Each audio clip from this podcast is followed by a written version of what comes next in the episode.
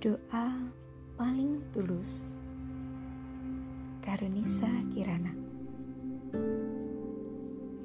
Barangkali doa paling tulus ketika ibu mengetuk pintu kamarmu. Pelukanmu menyerbu nan hangat. Ibu mengelus-elus kepalamu. Senyum terukir di wajahmu. Sekalipun target kerja sudah memaki-maki. Barangkali doa paling tulus ketika peminta-minta merengek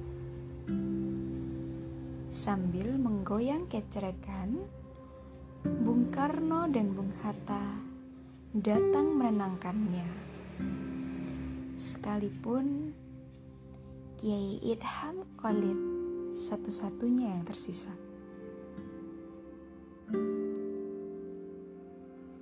Barangkali doa paling tulus bukan yang setiap hari menggema di masjid,